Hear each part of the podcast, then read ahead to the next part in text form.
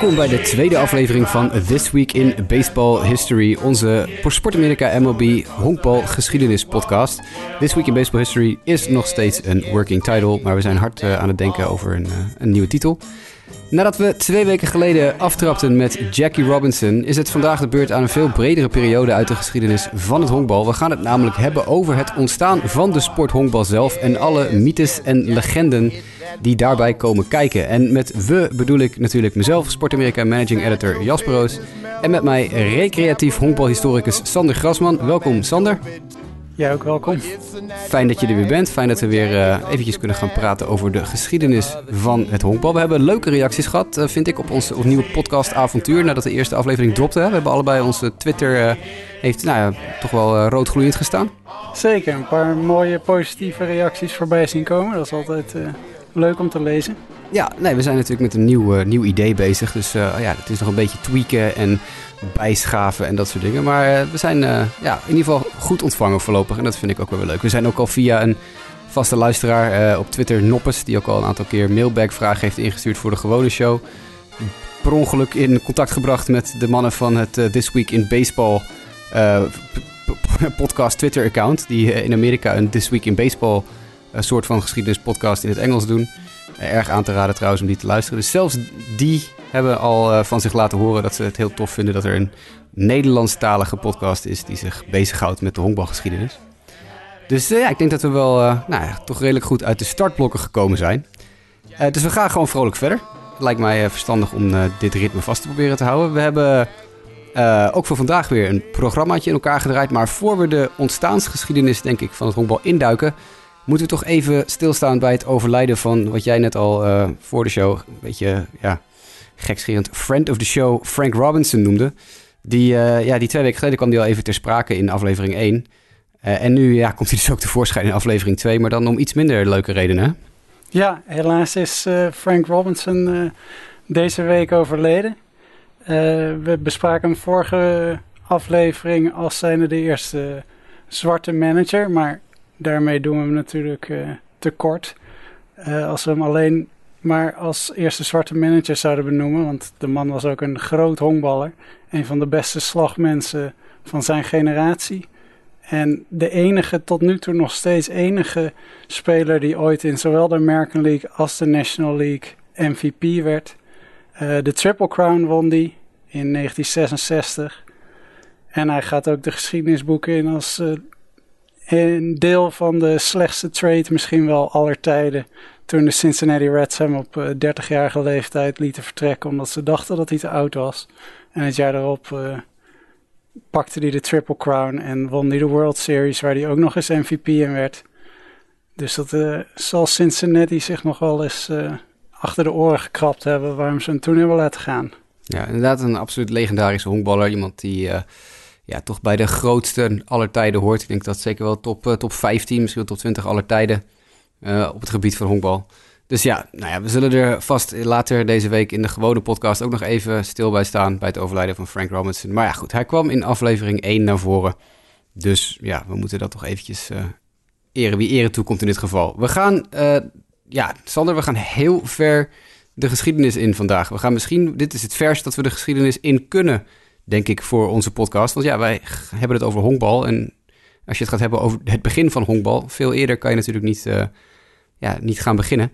En ja, al sinds de, de 80er jaren van de 19e eeuw blijft dit toch een terugkerend thema. Hoe is het honkbal ontstaan? En, en misschien nog wel de prangendere vraag is: wie heeft honkbal eigenlijk uitgevonden? En Amerika is natuurlijk altijd naar zich op zoek geweest naar een held die ze hiervoor zouden kunnen vereren. Uh, nu is honkbal is natuurlijk een van de vier grote sporten die dat land rijk is. Maar toen honkbal voor het eerst opkwam in de Verenigde Staten, waren de sporten waar het meest mee geconcurreerd moest worden. Vooral uh, door de Engelse geïmporteerde tijdverdrijven als roeien en cricket. Maar het honkbal zou die sporten snel passeren in populariteit. En ja, toch uitgroeien tot wat wij nu de national pastime uh, noemen, denk ik. Hè? Ja. Um, ja, waar wil, je, waar wil je beginnen? Ja, ik denk dat we gek genoeg best niet bij het begin kunnen beginnen, maar naar het begin van de 20e eeuw kunnen stappen om van daaruit terug te springen. Maar uh, in het begin van de 20e eeuw was honkbal op zijn hoogtepunt eigenlijk gekomen. Het had alle andere, zoals je al zei, Engelse sporten achter zich gehouden.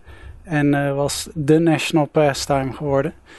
Uh, dat, uh, dat bracht de Amerikanen er ook toe om het honkbal in te zetten als een soort ambassadeur van het land. All-Stars teams werden samengesteld die met internationale trips de wereld over gestuurd werden om reclame te maken voor de sport zelf, maar ook voor het land.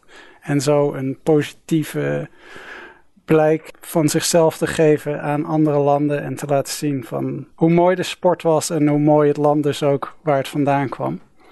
En toen werd de honkbalwereld geschokt, denk ik, door een artikel van de journalist Henry Chadwick, die in 1903 eh, een artikel publiceerde in Spalding's Official Baseball Guide, het officiële honkbaltijdschrift, uh, waarin hij beweerde dat de nationale sport eigenlijk van Engelse origine was.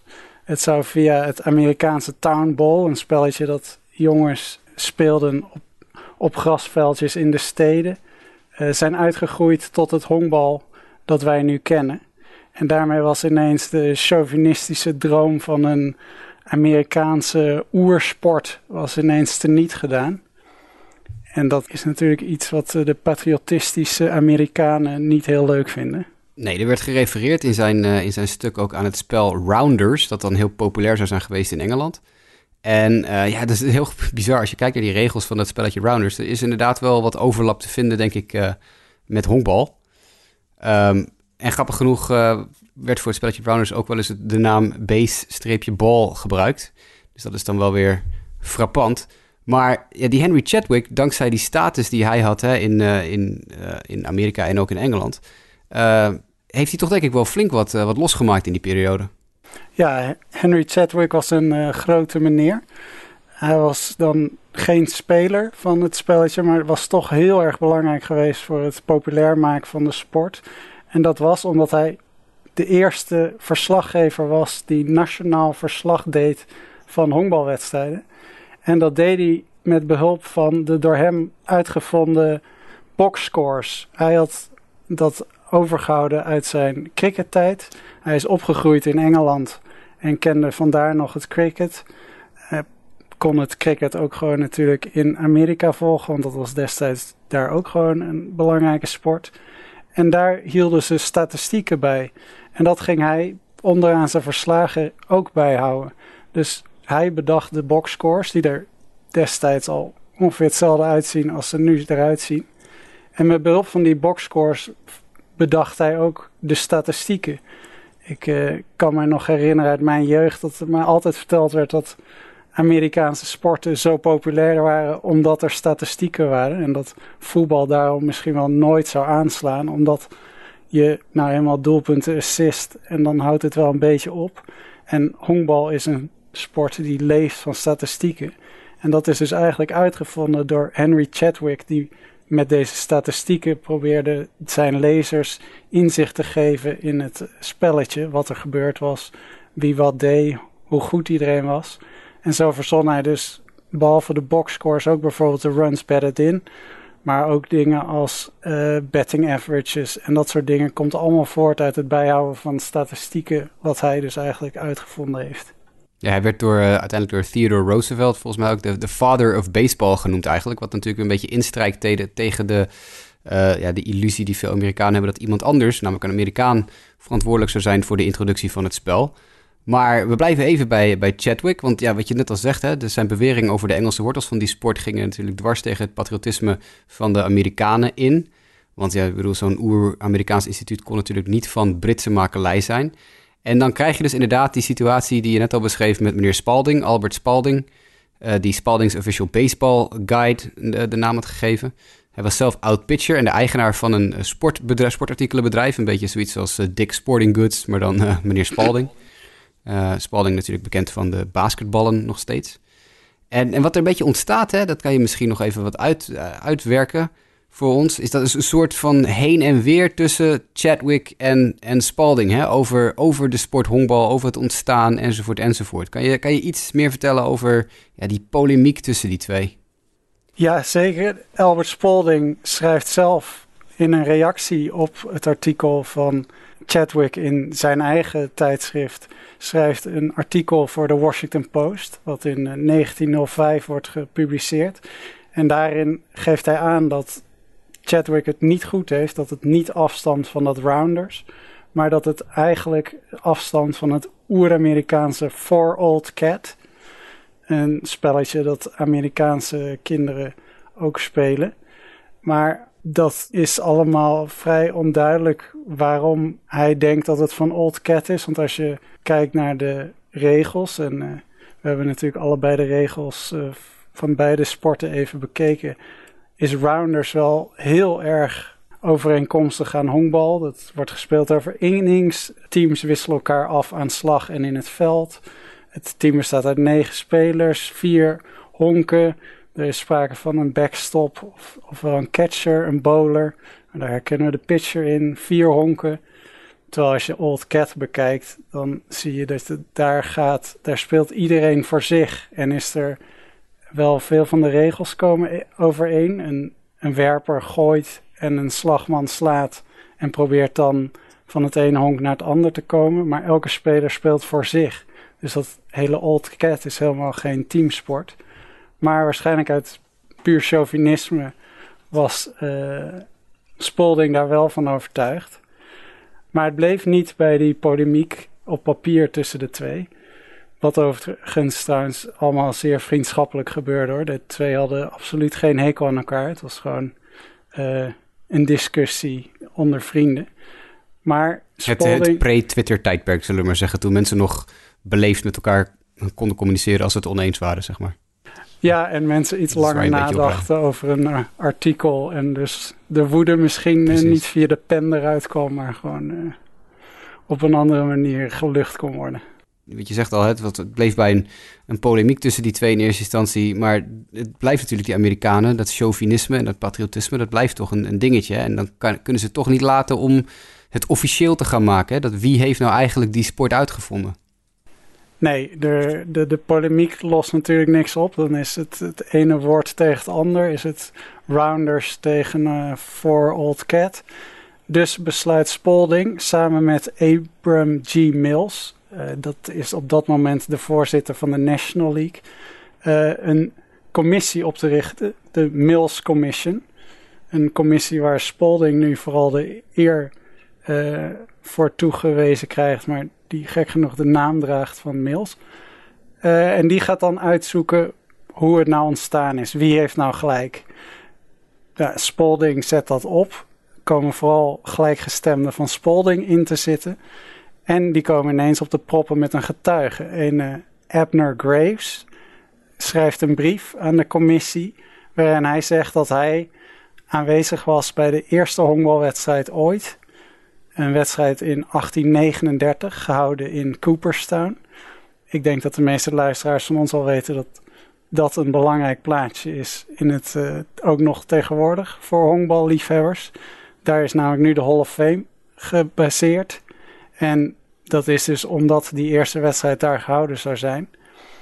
De Abner Graves getuigde dus dat hij dat gezien had. Dat die Abner Doubleday in Cooperstown een wedstrijd had uitgezet, dat hij het bedacht had en dat dat de eerste honkbalwedstrijd was. Alleen er zijn redenen om aan te twijfelen. Er is reden om te twijfelen aan Abner Graves, want die was in 1839 nog maar vijf jaar oud. Dit, deze commissie is dus van 1905, dus dan is het sowieso al bijna 70 jaar geleden. Uh, eh, 70 jaar zit er tussen de commissie en deze eerste wedstrijd in. Hij was destijds vijf en nu dus bijna 70, in de 70. En bovendien heeft Abner Graves ook een geschiedenis van psychologische problemen. Dus er is wel reden om aan Graves te twijfelen, maar we hebben al gezien dat Spalding en Mills in zijn voetsporen graag een chauvinistische uitleg willen ontvangen. Dus zij twijfelen er niet aan. En presenteren Abner Doubleday wat trouwens een uh, belangrijke generaal is in de Civil War. Dus ook nog eens een bekend figuur, maar inmiddels overleden dan al in 1905. Toch roepen zij Abner Doubleday uit als de uitvinder van het honkbal. Zodat ze de Amerikaan hebben die het allemaal bedacht heeft. Nou, dat is toch eigenlijk wel heel gek ook, hè? Want Doubleday zou die sport tijdens zijn periode in het leger ook, uh, ook uitgevonden hebben. Maar uit militaire documenten blijkt vervolgens dat Abner Doubleday nooit überhaupt in Cooperstown gelegerd is geweest. Hij was uh, in die tijd waar het om zou gaan uh, in eerstejaars cadet op de militaire academie in West Point. En het was dus absoluut onmogelijk dat hij als eerstejaars vrijaf had gekregen en naar Cooperstown was vertrokken. Ja, er lijkt ook geen enkele reden te zijn om aan te nemen dat Doubleday daar ooit geweest is. Nee, precies. Nou ja, en, en, en in de papieren van Doubleday die over zijn gebleven na zijn overlijden, uh, wordt het woord honkbal of wordt het, de beschrijving van honkbal pas één keer uh, genoemd. Uh, als hij een soort van materiaal lijkt te bestellen voor zijn manschappen. Maar ja, als hij natuurlijk materiaal bestemt, bestelt voor zijn manschappen, dan zou hij dus al weten waar hij ergens voor iets bestelt en niet zelf het verzonnen hebben. Toch blijft die Doubleday toch wel echt een, een ja, wat je al zegt, een vrij illustere persoon. Hij blijft toch regelmatig, als je aan, aan in sportquizzen vraagt wie heeft honkbal uitgevonden, blijft die toch op wat voor reden dan ook aangevoerd worden als, uh, als de bedenker van het honkbal. Wij hebben voor deze podcast een van de namen die de finale ronde heeft gehaald en uiteindelijk een beetje op de plank is blijven liggen, juist om deze reden, was, uh, was Double Day Diaries of de Double Day Diaries. Want ja, je wilt toch echt over honkbalgeschiedenis hebben, maar ja, we willen natuurlijk ook wel waarheden vertellen. En Double Day en die hele kwestie daarmee is nog niet per definitie op waarheid gestoeld. Um, ja, blijft dus, ja, blijft dus over dat op dit moment wij eigenlijk uh, als, als mensen die zich bezighouden met honkbalgeschiedenis eruit zijn, dat, dat Double Day zeer weinig te maken heeft gehad met het ontstaan van de sport waarschijnlijk. Maar ja, wat, wat, wat, is, er dan, wat is er dan eigenlijk gebeurd? Wat, waar moeten we dan naartoe? De verklaring dat Double Day het verzonnen had, heeft nog een tijd lang staan, staande gehouden. Maar langzamerhand begon dat af te brokkelen. Al die bewijzen ertegen werden steeds duidelijker. Dus was er ineens een probleem, want Double Day kon niet gepresenteerd worden als de uitvinder van de sport. En er moest dus eigenlijk weer een nieuwe verklaring komen. En die kwam er dan ook uh, halverwege de jaren 30. De Hall of Fame was net geopend, notabene in het Cooperstown van Doubleday.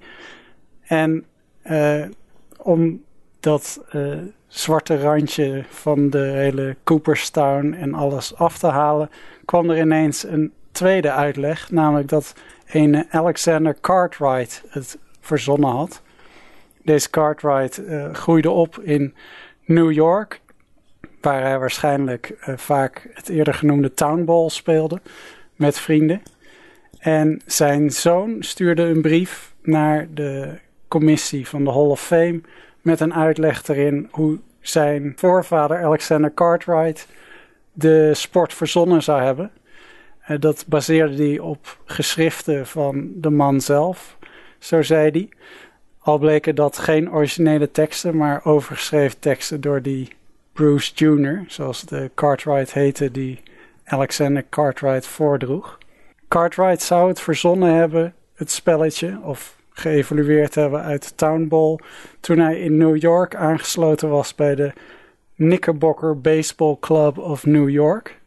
Zij hebben in 1845, dat, dat weten we zeker, dat document is uh, origineel, hebben zij een Knickerbocker Rules regels opgesteld voor de sport. Waarin zij dus alle regels voor het spelletje dat zij hebben uitgevonden uit de doeken doen. Zodat ze dat met anderen kunnen gaan spelen. Op zijn plek in Cooperstown staat ook, uh, ik geloof dat hij de, de man is van, die, die uiteindelijk de regels heeft vastgesteld zoals we die ook hebben. De honken moeten 90 voet van elkaar liggen, negen innings is één wedstrijd, een team heeft negen spelers, enzovoort, enzovoort. Uh, al dat soort regeltjes, die worden nu toegeschreven aan die, aan die Cartwright. Hè? De, die Knickerbocker Baseball Club heeft het voor het eerst over een diamantvormig binnenveld foutlijnen langs het eerste en derde honk, enzovoort, enzovoort. Um, en er is zelfs een hele belangrijke regel uh, veranderd. Daar moest ik wel even om grinniken toen ik dat las. Dat uh, spelers niet meer uitgemaakt konden worden door de bal tegen hen aan te gooien. Je moest nu daadwerkelijk de bal naar een andere veldspeler gooien en die moest hem dan tikken. Maar daarvoor mocht je dus de bal op de sodemieter van een honkloper gooien en dan was hij ook uit. Dat leek me toch meer een soort free-for-all deathmatch-style soort van honkbal die we nu dan gelukkig niet meer hebben. nee, Nee, dat, dat was dus ook de reden. Dat was blijkbaar iets dat bij kinderen kon dat prima, dat je hem aangooide. Maar uh, bij ouderen was dat toch, uh, leverde dat vervelende situaties op als er iemand hem uh, vol voor zijn knikker kreeg. Nou, uiteindelijk in, in 1866 wordt dan Cartwright min of meer zijn rol in het ontstaan van honkbal wordt bevestigd door weer een ervaren sportjournalist, Charles Peverelli, die een boek schreef, The Book of American Pastimes. In ja, 1866 is dat inderdaad. Vertel, vertel eventjes ons hoe dat, hoe dat allemaal tot de mensen doordringt. Dat, dat misschien Cartwright de ondergesneeuwde bedenker van de sport is. Ja, die, die Charles Peverelli die jij noemde, die schreef inderdaad een boek. de Book of American Pastimes, waarin hij een overzicht gaf van alle verenigingen die er bestonden in Amerika. En dan verdeeld over de, de vier grote sporten van dan. baseball, cricket, roeien en yachting dat zal ook met een boot te maken hebben. Maar dat heb ik niet uitgezocht wat dat precies is. maar in ieder geval, hij geeft daar korte biografietjes van alle clubs. En daar schrijft hij over de Knickerbocker Club. Verwijst hij duidelijk naar Alexander Cartwright. Die hij dan als opdrachtgever noemt van het schrijven van, het, uh, van de Knickerbocker Rules. Uh, en dat hij dat samen met andere vrienden die daar ook bij naam worden genoemd. Een Wheaton, een Curry, een Dupignac en een Tucker. Dat die een soort commissie vormden die de regels opstelde voor hun nieuwe spel. En daarmee lijkt dus inderdaad de rol van Cartwright als initiatiefnemer en bedenker van de sport bevestigd. Wat daar wel uit blijkt is dat hij dus één van de commissie was. Dat, uh, we willen natuurlijk het allemaal op één persoon kunnen projecteren. Maar hij was dus één van een select gezelschap. En hij blijkt toch wel dan uh, een van de, de bedenkers te zijn. Dus dat, dat lijkt dat om, te onderstrepen. En er zijn ook archieven waaruit we dan kunnen zien dat de eerste wedstrijd, de eerste zogenaamde honkbalwedstrijd die vastgelegd is, is ook een wedstrijd van die Knickerbockers, waar hij dus uh, deel van uitmaakte. En die nemen het dan op tegen de New York Baseball Club. Dat gebeurt op 19 juni 1846. En die wedstrijd wordt een nogal eenzijdige affaire. Het wordt uh, 23-1. 23 is de maximum score. Ze spelen dan nog niet tot 9 innings. Want ondanks wat er dan op de plek van Cartwright staat in uh, Cooperstown zijn er negen innings een uh, latere toevoeging. Hij heeft dat nooit bedacht. Ze speelden toen tot 23. En die eerste wedstrijd wordt dus 23-1. Maar niet voor de Knickerbockers die het spelletje bedacht hebben. Maar blijkbaar worden zij in de pan gehakt werkelijk door een ploeg die met een nieuwe sport in aanraking komt die middag. En toch van erg goede huizen blijkt te komen dit uh, is natuurlijk een beetje ironisch dat de, de uitvinders in hun eerste wedstrijd zo volledig in mootjes gehakt worden. Dus dat doet wel een beetje een vraagteken zetten bij: was dit niet misschien een sport die bij meerdere mensen bekend was? En hebben de Knickerbockers toevalligerwijs die rules opgesteld. En die dan nu in de overlevering als zijn het, het document waarbij de sport bedacht wordt. En ja, misschien... en uiteindelijk uh, uh, zie je natuurlijk dat de, die, die ironie van die uitslag al uh, vrij snel de ronde gaat doen. Maar ja, wat jij eerder ook al aangaf, Alexander Cartwright wordt een soort van ja, gelukkige winnaar in een strijd om de Doubleday-mythe een beetje te willen lozen. Want iedereen stond natuurlijk een beetje voor gek dat het verhaal rond Doubleday niet waar bleek te zijn. En dan, ja, dan moet je toch naar iemand toe die dat plekje in gaat nemen. maar toch zijn er ook nog mensen geweest die vrij openlijk hebben durven praten en willen praten over het ontstaan van die eerste honkbalclubs. We hebben hier een William Rufus Wheaton, een van de nekkerbokkers van het eerste uur. Die is in 1888, heeft hij heel openhartig verteld over, over het ontstaan van die allereerste honkbalclubs. Hij vertelde dat jonge New Yorkers in de jaren 30 van die 19e eeuw hun energie niet echt kwijt konden in, in dat ja, in hun ogen toch saaie en slome cricket. Met alle respect voor uh, de cricketfans uh, in onze luisteraarsgroep. Zijn woorden, niet onze woorden. Zijn, zijn woorden, ja, niet onze woorden. Want ja, in het cricket van toen hadden alleen, en in zekere mate nog steeds nu natuurlijk, uh, de bowler en de batsman die hadden iets te doen en de rest stond er maar een beetje bij. Nou ja, dat is nu een beetje de status die het honkbal bij veel niet-honkbalkenners heeft. En uh, Wheaton verwijst dan vervolgens naar het spelletje Three Cornered Cat. Hebben we weer iets met katten en weer iets met een nummer. Net, als net hadden we de Four, four Cats en nu hebben we de Three Cornered Cat als soort inspiratie. Uiteindelijk richt hij natuurlijk met zijn vrienden dan in 1837 al de Gotham Baseball Club op. En meneer Wheaton, meneer Rufus Wheaton, die kreeg de taak om de regels vast te gaan leggen. Ja, hij was dus een van die, die collega's die al eerder net voorbij kwamen in dat, uh, in dat artikel van, of dat boek van Pavarelli over de Knickerbockers. Hij was ook de eerste die die noemde. Wheaton, Cartwright, Curry, Dupignac. Dus we mogen ervan uitgaan dat hij inderdaad meegeschreven heeft aan die Knickerbocker Rules. En dat hij dus in dat interview in 88, 1888 uh, met inside informatie sprak toen hij dat interview gaf. Hij uh, weet duidelijk waar hij het over heeft. Dat Free Cornered Cat is trouwens een, gewoon een variant zoals de Four Cornered Cat. Of hoe heet het? In ieder geval, het is allemaal een variant op The Old Cat. Uh, wat gewoon een soort spelletje is wat kinderen spelen. En dat kan dan in allemaal verschillende vormen gespeeld worden met drie, vier of, of maar twee spelers. Maar hij, richt dus, is dus inderdaad betrokken bij die Gotham Baseball Club. Uh, dat, uh, dat wordt zo'n succes dat op een gegeven moment die club in hun ogen eigenlijk wordt overgenomen door nieuwe aanwas. En ze het eigenlijk een beetje zat worden, al die andere spelers. En dus richten ze dan de Knickerbockers op. Dus daarin zien we al dat de Knickerbockers eigenlijk gewoon voortgekomen is uit een andere club. En dus niet gezegd kan worden dat zij de uitvinders zijn van honkbal. Want er was zelfs al een club eerder die het bedacht had en hetzelfde spelletje al ongeveer speelde. Voordat die Knickerbocker Rules werden vastgelegd. John Thorne heeft trouwens, dat is de officiële historicus van de MLB. En een zeer interessante figuur om voor onze luisteraars om te volgen. Die heeft ja, ooit Twitter, gezegd... Twitter, hè? Uh, Thorne underscore John. At Thorne underscore John voor John Thorne, de MLB-historicus. Even tussendoor. Ja, ja nee. echt iemand uh, zeker aan te raden. En die heeft ooit uh, gezegd dat die hele plek van Cartwright... dat daar geen enkel woord wat daarop staat waar is. Nou is dat denk ik wel gechargeerd, want we mogen er wel van uitgaan dat hij uh, bij de Knickerbocker Baseball Club betrokken was. Maar al die regels die hij bedacht zou hebben, dat lijkt allemaal nou met een korreltje zout te nemen. Want hij was dus een van de opstellers van die regels, samen met Wheaton en de anderen.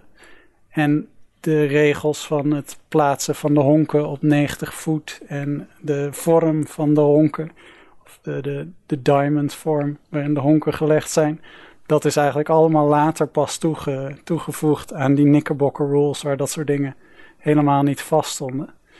En degene die we daarvoor kunnen bedanken is een Daniel Lucius Adams, die eigenlijk in alle bronnen die je vindt Doc Adams worden genoemd, wordt genoemd, omdat hij uh, een arts was, een opgeleid arts.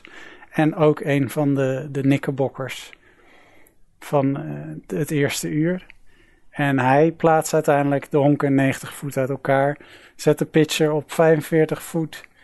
En hij is ook de degene die uh, zich hard maakt voor het uh, afschaffen van de regel dat een slagman uit is als de bal na één stuit gevangen wordt.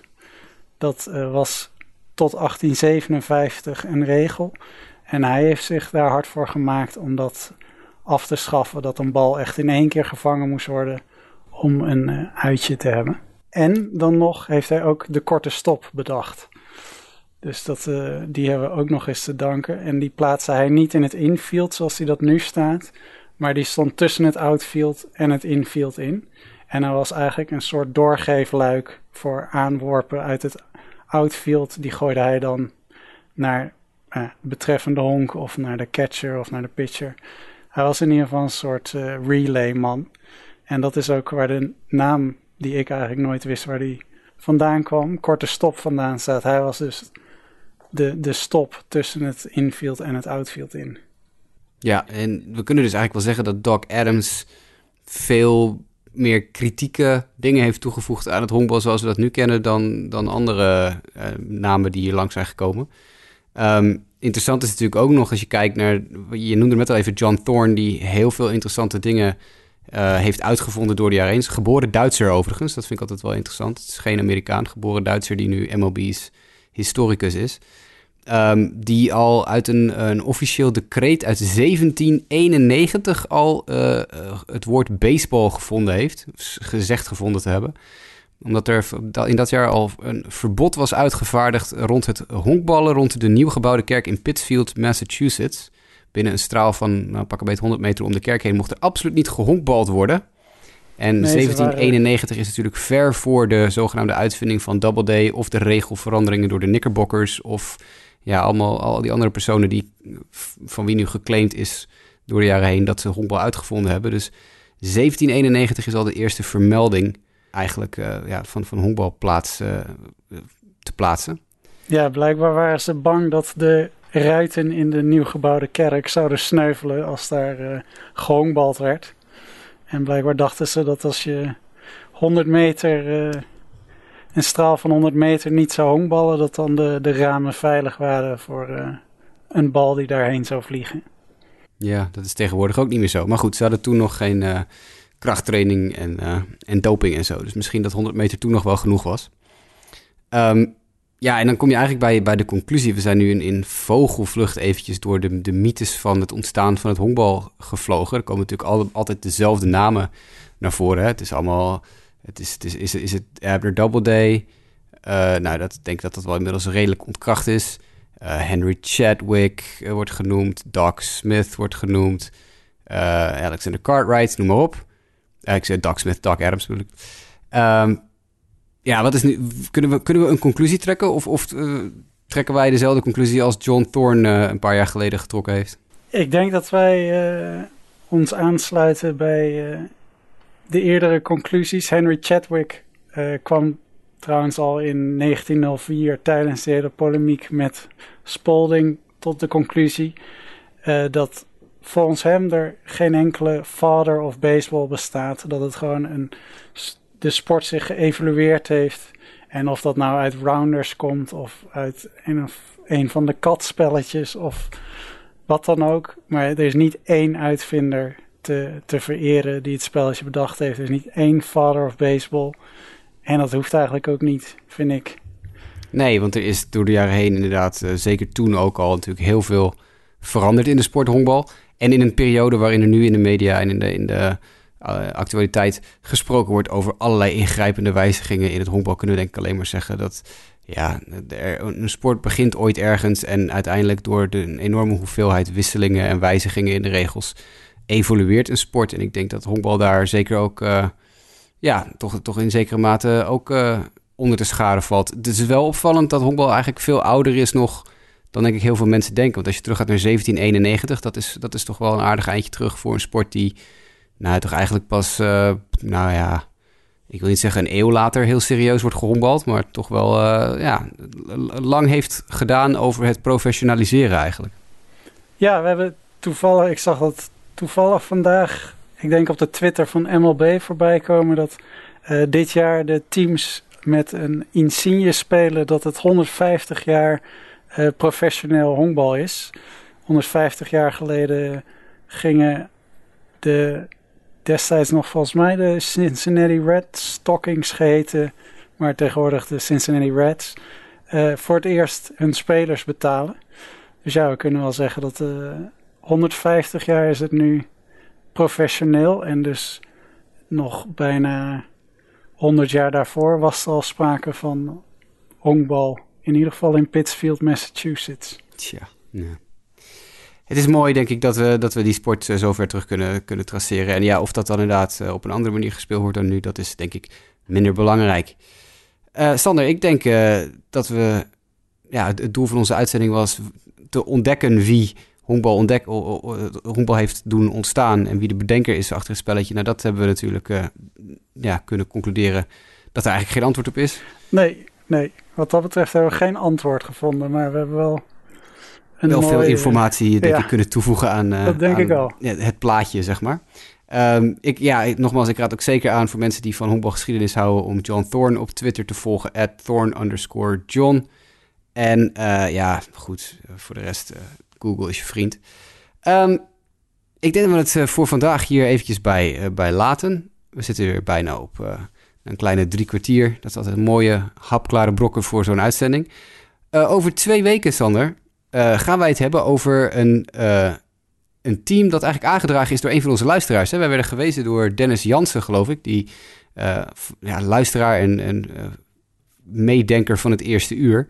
Dat de, de Mets uit de jaren tachtig toch eigenlijk wel een heel interessante ploeg zijn om ons eens even in te gaan verdiepen. Dus ik denk dat we het over twee weken maar eens gaan hebben over de 80s Mets. Ja, dat, uh, ik zag hem voorbij komen en we zijn natuurlijk heel blij met als mensen meedenken waar we het over kunnen hebben. Dus uh, en het, dit was een uh, hele mooie suggestie. En het valt ook nog eens samen met het weer beginnen van spring training. En ik kwam een mooie anekdote tegen dat zij ook die, de karakters van de Mets, want het waren allemaal aparte jongens, is flink op de vuist zijn gegaan tijdens spring training. Dus dat leek me een mooi haakje waar we deze, dit onderzoek aan kunnen ophangen. Ja, en inderdaad daarbij de, de, de Mets uit de jaren 80. Natuurlijk, uh, de 86 Mets zijn een beroemd uh, team. Maar als je terugredeneert over alle drugsgebruikers en, uh, en dat soort zaken binnen die ploeg... denk ik dat we zeker wel een vermakelijk uurtje vol kunnen babbelen over de New York Mets uit de jaren 80. Want dat was een rock-and-roll lifestyle die inmiddels het honkbal niet meer kent. Dus we gaan lekker een paar decennia terug in de tijd... in plaats van een paar eeuwen terug in de tijd. Over twee weken met de Mets uit de jaren 80. Sander, hartstikke bedankt voor al jouw, eh, jouw onderzoek en ja, je, je aanwezigheid en je verhalen over het ontstaan van het honkbal en de geschiedenis van de sport die ons allemaal zo dierbaar is. Graag gedaan. Ik raad luisteraars van harte aan om, uh, om Sander ook op Twitter te volgen. Dat kan via @grasmansd, @grasmansd via Twitter. Uh, want daar komen vaak interessante dingetjes langs als we elkaar niet vrolijk aan het retweeten zijn of met elkaar aan het praten zijn over interessante honkbaldingen, dan, dan komt er wel wat anders interessant nieuws langs. Dus volg zeker Sander op Twitter. Je kan mij ook volgen als je dat toch niet doet. Jasper Roos op Twitter. Verder Sport Amerika natuurlijk ook. Onze grote overkoepelende moederorganisatie. Sport Amerika op Twitter. Facebook.com slash Sportamerika bestaan we ook. We zitten op Instagram. Dat zou je bijna vergeten. Uh, ik geloof niet dat er heel actief geïnstagramd wordt vanaf het Sport Amerika account. Maar mocht je nou zo'n fanatieke Instagrammer zijn, er is daadwerkelijk een Sport Amerika Instagram-account. En voor de rest, uh, ja, uh, hou de podcastfeed in de gaten. We staan op Spotify, vergeet dat ook niet. Mocht je denken, hey, ik heb even geen tijd om te downloaden... of in mijn eigen app te luisteren... kan je ook op Spotify naar deze podcast luisteren. Over een paar dagen ben ik weer terug in ieder geval... met de gewone jongens van de gewone MLB-show. Want we gaan dit weekend ook waarschijnlijk weer even een showtje opnemen... om het vooral uitgebreid te hebben over het gebrek aan honkbalnieuws. Want ja, laten we toch wel weten, heel veel gebeurt in dit. is, uh, spring training is vandaag begonnen. Pitchers en catchers hebben zich gemeld in Arizona en Florida. Maar uh, de grote free agents zijn nog steeds uh, werkloos. Dus dat wordt ook steeds interessanter. Um, ja, en vakantie houdt aan. ja, het is, het, is heel bizar wat er allemaal gebeurt. Maar goed, oké. Dan gaan we, gaan we het hebben over uh, wat het betekent dat Manny Machado uh, uh, kinderschoentjes van, met een White Sox logo op Instagram plaatst, en zo. Nou goed, dat, dat is weer een ander punt. Um, Sander, hartstikke bedankt. Heb een fijne avond. Wij gaan zo meteen ja. denk ik even een potje voetballen kijken, denk ik. Ja, dat denk ik wel. Ik, ik in ieder geval wel. Um, en wij spreken elkaar over twee weken weer als we het over de Mets gaan hebben. Zeker, nu al zin in. Ik ook wel, als ik heel eerlijk ben. Want dat wordt, uh, dat wordt heel uh, wordt lachig. Smeuig. Smeuig. Ja, dat smeuig, smeuig ja. inderdaad. Ja, dat is het juiste woord. Uh, het, uh, seks, drugs en toch seks, nog één World Series. Seks, drugs en twee honkslagen, kun je bijna zeggen. um, Sander, tot over twee weken. Luisteraars, hou deze feed in de gaten voor de andere show. En anders ook graag tot over twee weken. Tot de volgende keer.